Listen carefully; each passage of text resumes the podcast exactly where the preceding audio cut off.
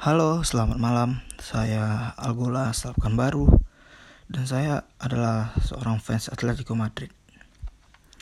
Di sini saya ingin membahas tentang performa Atletico Madrid musim ini. Atletico Madrid mengawali musim dengan kehilangan banyak pemain pentingnya seperti Antoine Griezmann, Rodri, Diego Godin, Felipe Luis, dan sebagainya. Lalu Atletico mendatangkan seorang Joao Felix, Hermoso Llorente, dan banyak laginya.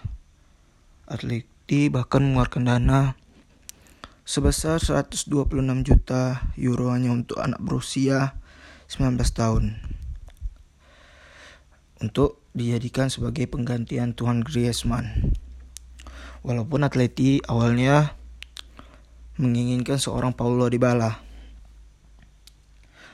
Atleti mengawali musim dengan sangat baik. Mereka mengalahkan Real Madrid 7-3 dan Juventus di pramusim. Tetapi performa bagus mereka di pramusim tidak sejalan dengan performanya sejauh ini di kompetisi resmi. Sejauh ini Atleti berada di peringkat 4 La Liga di mana dari 23 match yang telah dijalani mereka Atleti hanya berhasil mencetak 23 gol. Sebuah catatan yang sangat buruk sekali buat Atleti. Atleti masih bisa berkompetisi di UCL dan harus ketemu Liverpool dan mereka sudah kalah oleh klub kasta ketiga Liga Spanyol yaitu Cultural Leonesa di Copa del Rey. Bayangkan klub uh, seperti Atletico Madrid yang bermain di UCL top 4 La Liga dikalahkan oleh kasta ketiga divisi Spanyol. Sebuah kejutan. Uh, dan tentunya hal itu membuat fans Atletico sendiri marah dan menginginkan Simeone dipecat. Uh, walaupun masih banyak yang percaya dengan performa Simeone banyak yang percaya Simeone akan membawa Atletico kembali ke jalur yang benar. Tapi saya mempunyai pandangan yang lain terhadap kenapa performa buruk Atletico musim ini. Salah satu faktornya adalah Atleti adalah tim yang mengandalkan skema counter attack dalam menyerang. Walaupun dalam beberapa tahun terakhir Atleti mencoba untuk position ball walaupun tidak berjalan mulus. Walaupun Atleti kerap memainkan defensive football lalu counter attack itu yang menjadi andalannya. Dalam skema counter attack Atletico era Simeone, Simeone mengandalkan tipe striker yang kuat, kencang, dan memiliki finishing yang bagus. Lalu seorang striker yang jago dalam kotak penalti di mana bisa mencetak gol dalam keadaan apa pun di dalam kotak penalti. Dulu Simeone sukses dengan itu karena dia memiliki seorang striker seperti Falcao dan Costa yang memang memiliki kriteria tersebut di mana Falcao memiliki heading yang luar biasa, di mana Costa memiliki pressing yang luar biasa, dribble dan kencang. Lalu tentu saja finishing yang oke. Okay. Setelah Costa angkang, Simeone awalnya ingin menjadikan Mandzukic sebagai penerus Costa, tetapi Mandzukic uh, memang menjalani musim yang cukup bagus, tetapi uh, yang menjadi sorotan utama kala itu adalah Antoine Griezmann. Griezmann adalah seorang wing yang di Real Sociedad yang menjalani musim yang cukup bagus uh, di Sociedad di mana dia mencetak kalau nggak salah 15 atau 16 gol di La Liga. Hmm. Walaupun banyak media Spanyol mengatakan uh, seorang Griezmann adalah inconsistent winger yang didatangkan Simeone. Simeone uh, banyak yang meragukan si Griezmann saat itu. Tetapi Simeone menjadikan Griezmann dari seorang winger menjadi seorang striker. Dari winger yang bukan siapa-siapa menjadi striker yang salah satu terbaik dunia. Griezmann memiliki uh, karakter yang berbe sedikit berbeda dengan Costa dan juga uh, Falcao. Dia memang tidak sekuat Costa ataupun Falcao, tetapi dia memiliki kecepatan yang sama, memiliki uh, kencang dan juga finishing yang bagus. Bahkan Griezmann mempunyai nilai plus di mana dia memiliki visi yang bagus di mana dia juga bisa buka ruang uh, untuk temannya di mana dia bisa bermain se sebagai false nine. Sekarang Griezmann uh, sudah engkang.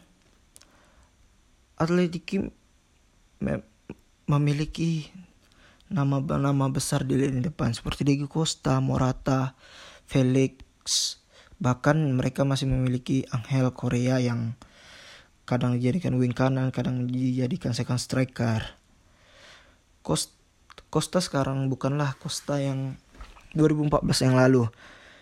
Uh, di mana saat ini Costa menjadi seorang striker bertipe defensive forward di mana dia ya kerap membuka ruang untuk temannya di mana kita bisa lihat Griezmann menjadi tugasnya lebih gampang ketika bermain bersama Costa.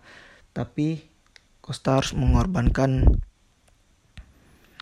mengorbankan finishingnya, mengorbankan golnya di mana rasio golnya menjadi rendah kala itu. Uh, di mana Costa seharusnya diduetkan dengan tipe striker yang haus gol. Lalu ada Alvaro Morata. Morata datang di Januari 2019. Morata menjalani musim yang cukup bagus pada saat itu di mana dari Januari ke akhir musim dia berhasil mencetak 6 gol dari 15 pertandingan. Musim ini dia sudah mencetak 7 gol di La Liga. Dan perlu diketahui Morata bukanlah striker yang menjamin tim sebuah tim itu bisa mencetak banyak gol. Morata tidak bisa jamin 20 gol, 25 gol yang dilakukan oleh Falcao, Griezmann, uh, lalu Diego Costa di 2014 saat juara tersebut. Morata hanya di Juve, Morata cukup bagus. Bisa kita lihat Morata kala itu berduet dengan Carlos Tevez di mana Carlos Tevez lah lumbung golnya dan Morata hanya sebagai striker target man di mana ya di, kalau dia nyetak gol bagus kalau nggak nyetak gol ya nggak masalah. Uh, rasio gol Morata tidak begitu bagus di mana dia hanya mencetak. Di liga itu hanya setiap musimnya sekitar 10, 11, 12 di mana hanya di bawah 15 kita bisa lihat di Chelsea golnya tidak begitu banyak juga. Dan Morata bukan striker yang berinsting tinggi di mana dia tidak bisa memanfaatkan banyak peluang. Di Chelsea dia banyak membuang peluang seperti di Atletico Madrid juga hal yang sama. Lalu ada Joao Felix.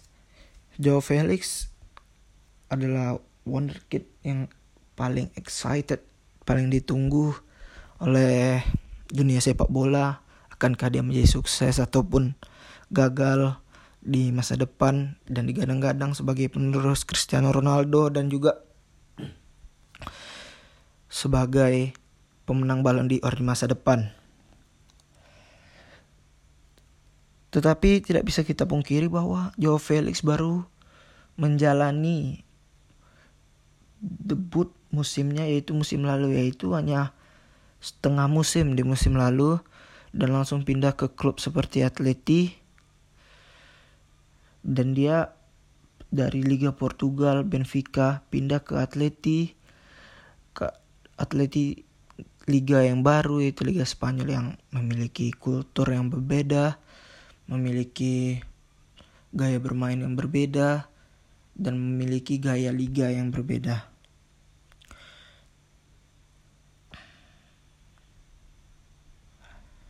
Jadi dan sejauh ini Joao Felix di Liga Spanyol hanya mencetak dua gol dan menciptakan satu assist. Jadi ya dia membutuhkan adaptasi walaupun dihargai 126 juta euro Atletico dan para fansnya harus sabar dengan dia. Dan Joao Felix harus sabar dengan diri dia sendiri untuk lebih giat bekerja keras.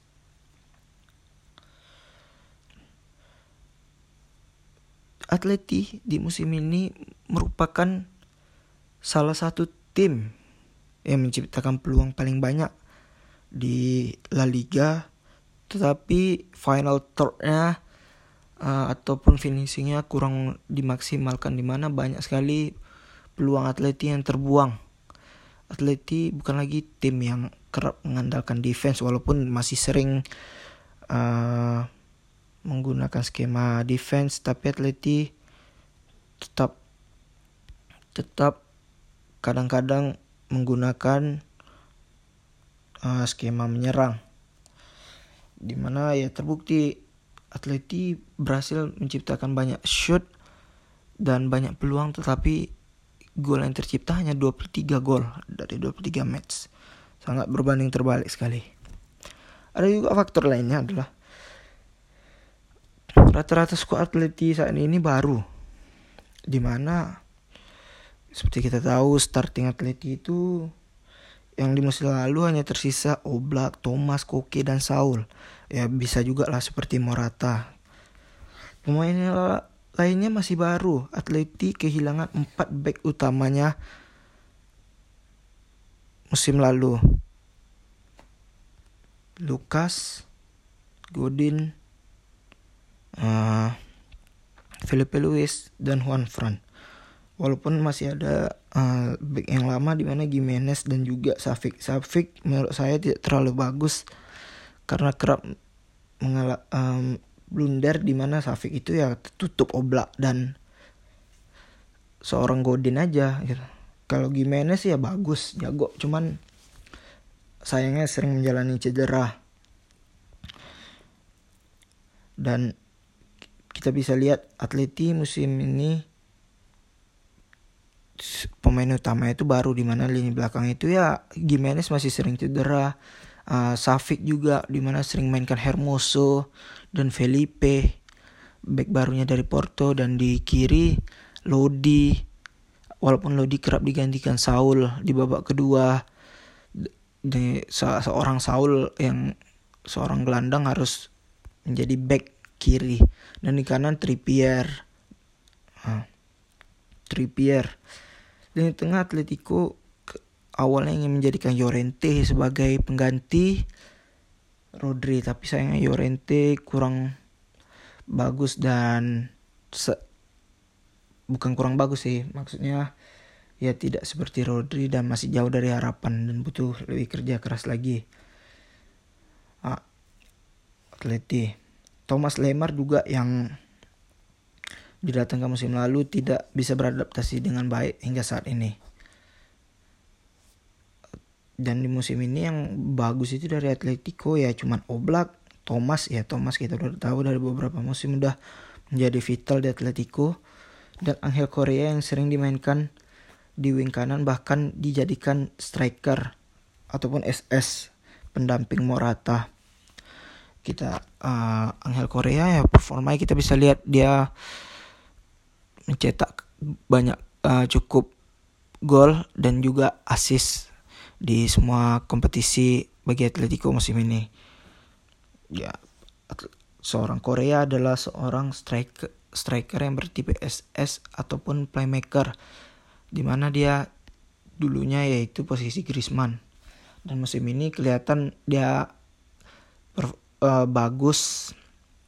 Korea bagus tapi kurang bisa konsisten sebelumnya tapi musim ini dia udah mulai bisa konsisten di samping dia mendapatkan posisi nyamannya yaitu sebagai uh, di pemain di belakang striker. Dan itu pun terjadi kalau Joe Felix cedera. Kalau Joe Felix main dia balik ke wing kanan. Ada Uh, terus adaptasi lainnya itu back kiri dan back kanan. kita bisa lihat Lodi adalah back yang bagus Lodi adalah back yang kencang memiliki skill yang di mana ya lebih bagus kecepatan dan skillnya dibanding Filipe Luis tetapi memiliki umpan yang kurang bagus Filipe Luis memiliki bisa dibilang ya dia oke okay dalam bertahan oke okay dalam menyerang oke okay dalam skill, oke okay dalam kecepatan walaupun tidak cepat-cepat kali, tidak bagus-bagus sekali skillnya dan umpannya juga oke. Okay. Felipe Luis mm, sangat penting bagi Atletico di era Simeone. Begitu juga dengan Juan Fran di kanan. Saat ini Juan Fran penggantinya adalah Trippier. Trippier adalah wing yang dari Inggris kita tahu ya wing di Inggris memiliki wingback Inggris itu memiliki umpan yang cukup bagus. Ya, Trippier memiliki bahkan dibilang Beckhamnya Inggris, Beckhamnya Inggris baru.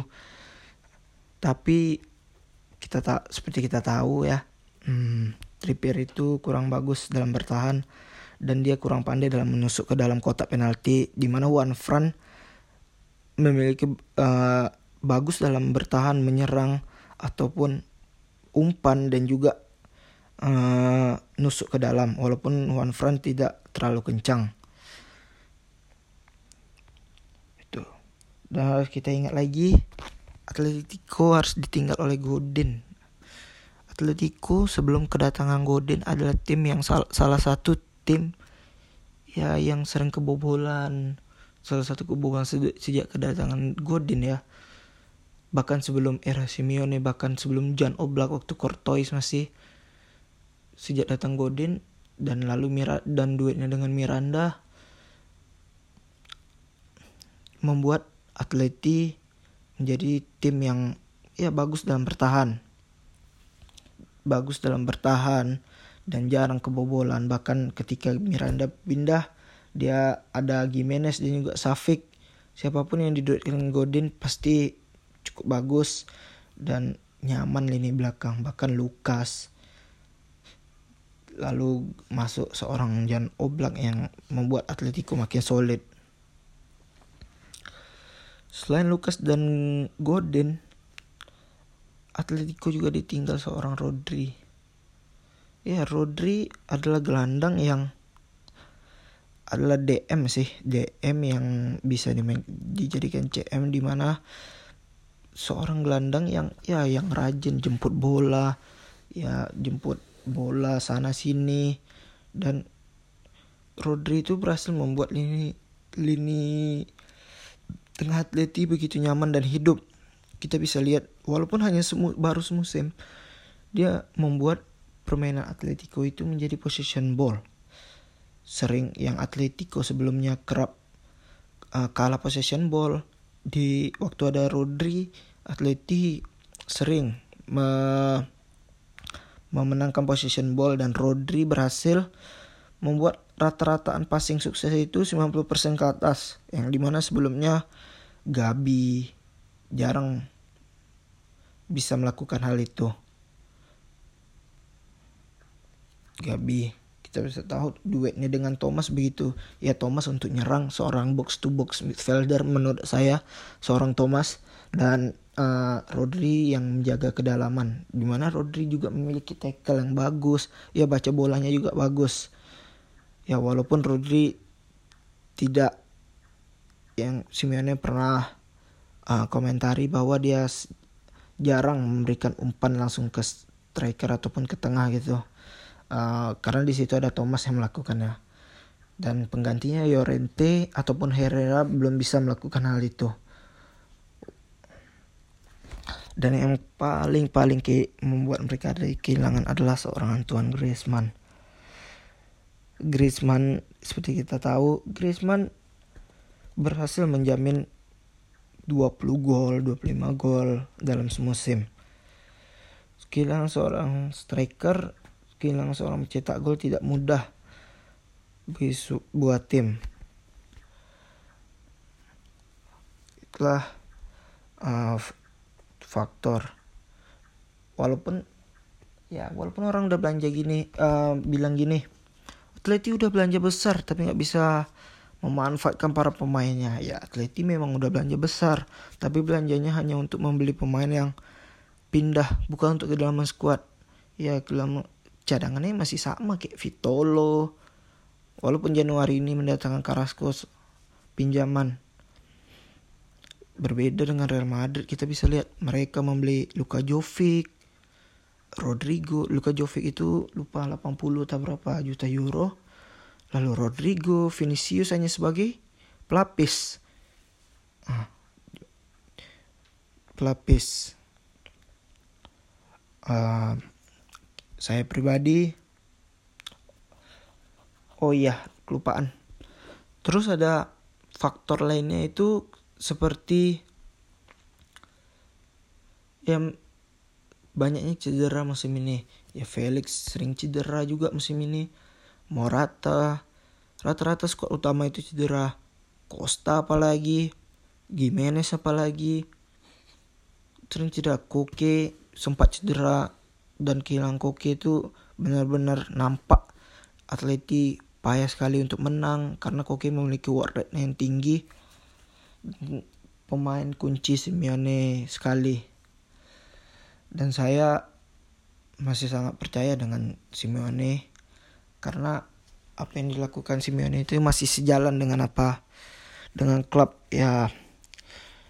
Simeone pernah mengatakan bahwa ya di awal musim itu dia mengatakan ya jangan terlalu banyak berharap dengan Atleti musim ini karena Atleti kedatangan pemain baru dan kehilangan pemain pentingnya di musim panas. Banyak yang pindah. Dan ya Hingga saat itu Cholo mengatakan dalam tujuh tahunnya di Atleti, tujuh tahun atau 8 tahun sejak 2011, itu adalah yang tersulitnya. Karena kehilangan banyak pemain pentingnya. Dan dia juga mengatakan bahwa ya walaupun Felix itu jago ya jangan langsung berharap banyak karena ya Felix tetap anak muda dan dia dari liga baru, dari liga lain. Join ke liga baru ya berbeda gaya bermain kultur dan lainnya. Dan ya saya harap PS Atletico lainnya uh, sama seperti saya sabar dengan Atletico Joe Felix ya dan juga pemain baru lainnya. Ya kalau nggak ya nggak bisa beradaptasi ya terpaksa harus diganti dan kita harus mendatangkan pemain baru ataupun bisa promosiin akademi karena akademi Atletico itu kan ya lumayan bagus ada Bor Borja Garces, Riquelme, ya gelandangnya Tony Moya, Dario dan banyak lagi. Uh, Oke, okay. sekian dari saya. Terima kasih telah mendengar ya sedikit uh, info dan pengetahuan kenapa merosotnya performa Atletico musim ini. Ya walaupun Atletico merosot ya masih peringkat 4 5 masih sekitar itu deh ya. Dan saya yakin kalau untuk UCL masih bisa lolos lah musim depan. Nggak akan main di Europa League. Ya sekian. Terima kasih